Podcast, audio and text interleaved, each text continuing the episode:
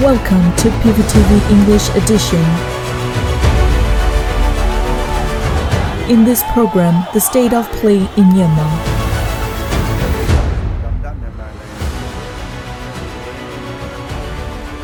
We are going to deliver current affairs review by PVTV.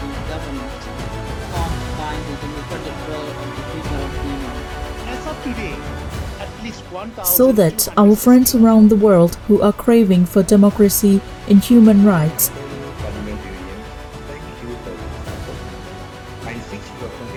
get a better understanding of the actual footage of the situations in Myanmar. So please tune in to our program.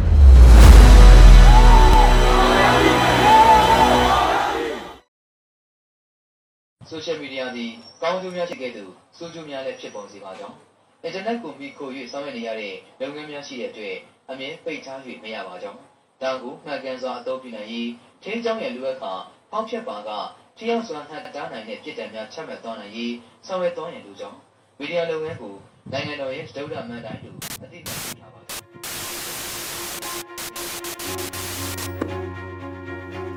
Military regime who is dragging technology to keep it in power.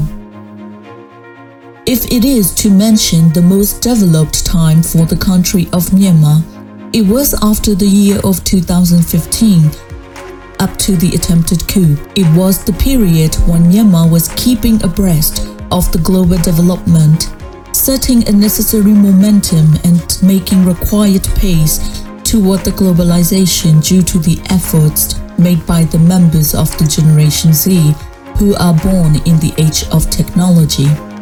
People from different walk of life and different strata including government had been using technology in different sectors and the banks had established online banking system resulting that its users people have different options such as Wave Pay, KBZ Pay, True Pay from which they can rely on when it comes to online banking systems. All these conditions or development came to cease since the 1st February 2021. နိုင်ငံတော်၏ဥပဒေပြုရေးအုပ်ချုပ်ရေးနှင့်တရားစီရင်ရေးအာဏာတို့အားတမတော်ကာကွယ်ရေးဦးစီးချုပ်ထံသို့လွှဲအပ်တာဝန်ပေးလိုက်သည် All the activities based on the internet access were stopped on 1st of February. This was not because of the technology but caused by the power thirsty of a certain individual. All the mobile signal or connection were cut off early morning on the day when the coup was staged, followed by the cutting off the internet access when news was still accessible to the public through Wi-Fi connection. This can be seen as an initial act of leaving Myanmar behind the process of the globalization or out of the technological age. In other words, it was when the youth started to feel their future was robbed, shattering all the dreams they had. Demonstrations were kicked off on 4th of February. Since then, youngsters made contact via online as necessary for what they needed to be done. All the posts on social media platforms, including Facebook and Twitter, were something asked to resist against Min Aung Hlaing and its military. Then the terrorized SAC made another step of publishing cybersecurity law draft on 8th of February. Here there are some points worthy to be mentioned. This is SIM card used on Thai Signal. Many youths, including news agencies, relies on that SIM cards for keeping them online as necessary. Moreover, Facebook has been banned on mobile phone and computer in Myanmar. So it can be said that VPN has been popular in the country since then.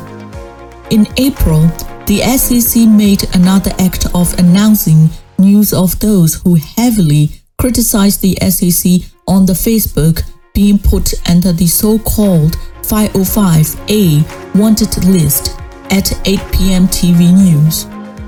Those who were put under this list included artists, singers, celebrities, but not limited to them, The list also covered the journalists and civilians as well. Regarding this, rumors had it that the SEC was reportedly making efforts to decode what had been said on the Facebook using the certain technology. The SEC, who was afraid of technology, were making people fear of going to the jail if they criticized the SEC. Also, the SEC, who was particularly afraid of young technology users, were openly violating the citizens' rights by forcing mobile operators to provide it with the user's information. In order to avoid such conditions, the well-known telecommunication company Telenor is attempting to leave the country by selling its assets to other company. However, many individuals and organizations who are working for the digital rights are considerably campaigning against the selling as the buyer has is having a link with the SEC. There was a reported news that the SEC, who is attempting to abduct and torture its descendants, were requiring the mobile operators to use tracking technology to their users. As to those who go against the SEC, have always been ahead of the tight measures by the SEC.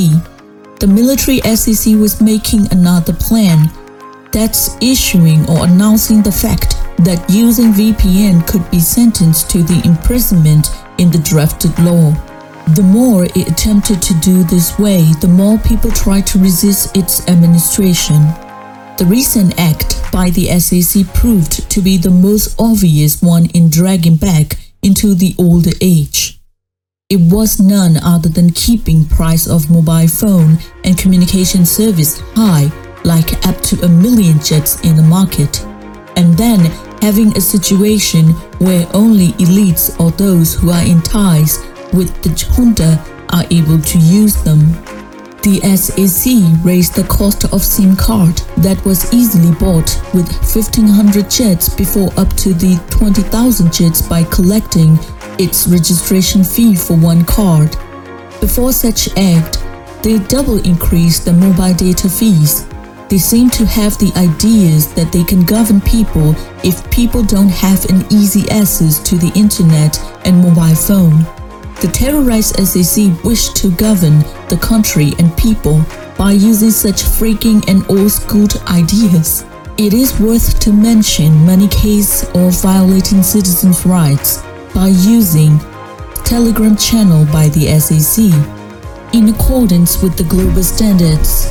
Facebook has certain policies such as rejecting violence and disregarding the supporting of the violence. Facebook has removed or banned profiles and pages that were supporting the SEC in accordance with such standards or policies.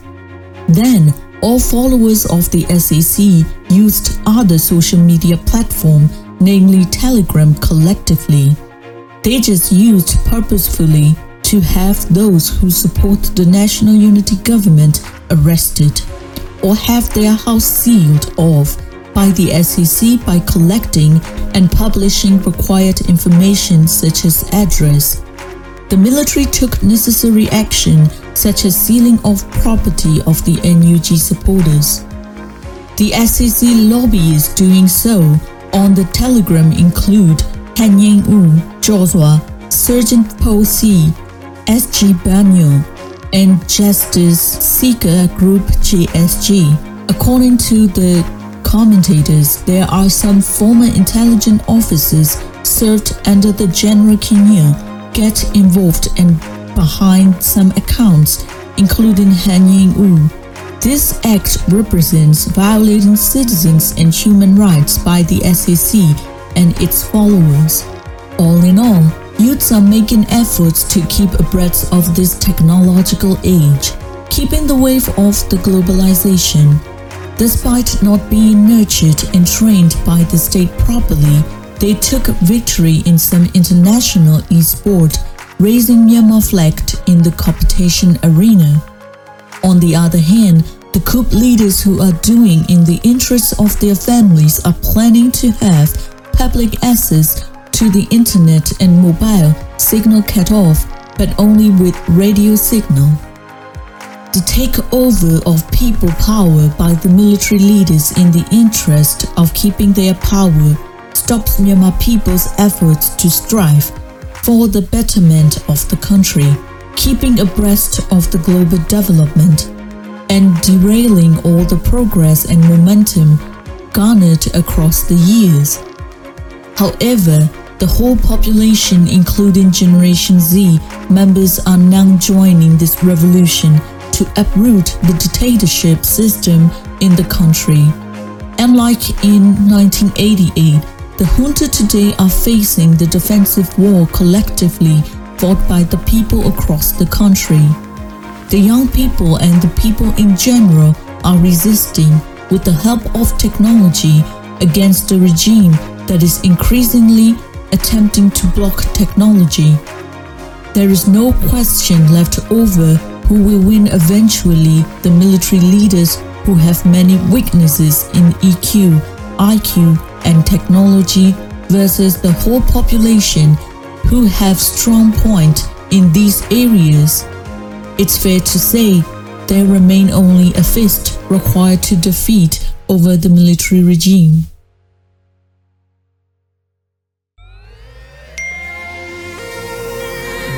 PPTV ကမျိုးတော်လိုင်းရေးဆိုင်ရာအစီအစဉ်ကောင်းတွေကိုရည်စည်တင်ဆက်ပေးနေရရှိပါတယ်။ PPTV ကထုတ်လွှင့်တင်ဆက်ပေးနေတဲ့အစီအစဉ်တွေကို PPTV ရဲ့တရားဝင် YouTube Channel ဖြစ်တဲ့ youtube.com/c/pptv မြန်မာကို Subscribe လုပ်ကြည့်ရှုပေးကြရဖြင့်တော်လိုင်းကိုတစ်သက်တအားဖုန်းမှုကြည့်ပေးနိုင်ပြီဖြစ်ကြောင်းသတင်းအောင်ပါလိုက်ပါရရှင်။စိတ်ရက်ကလစ်တွေနဲ့တော်လိုင်းရေးကိုနိုင်တဲ့ဘက်ကထိတ်ဆက်အားဖြစ်လိုက်ကြအောင်ပါ။အရေးတော်ပုံအောင်ရမည်။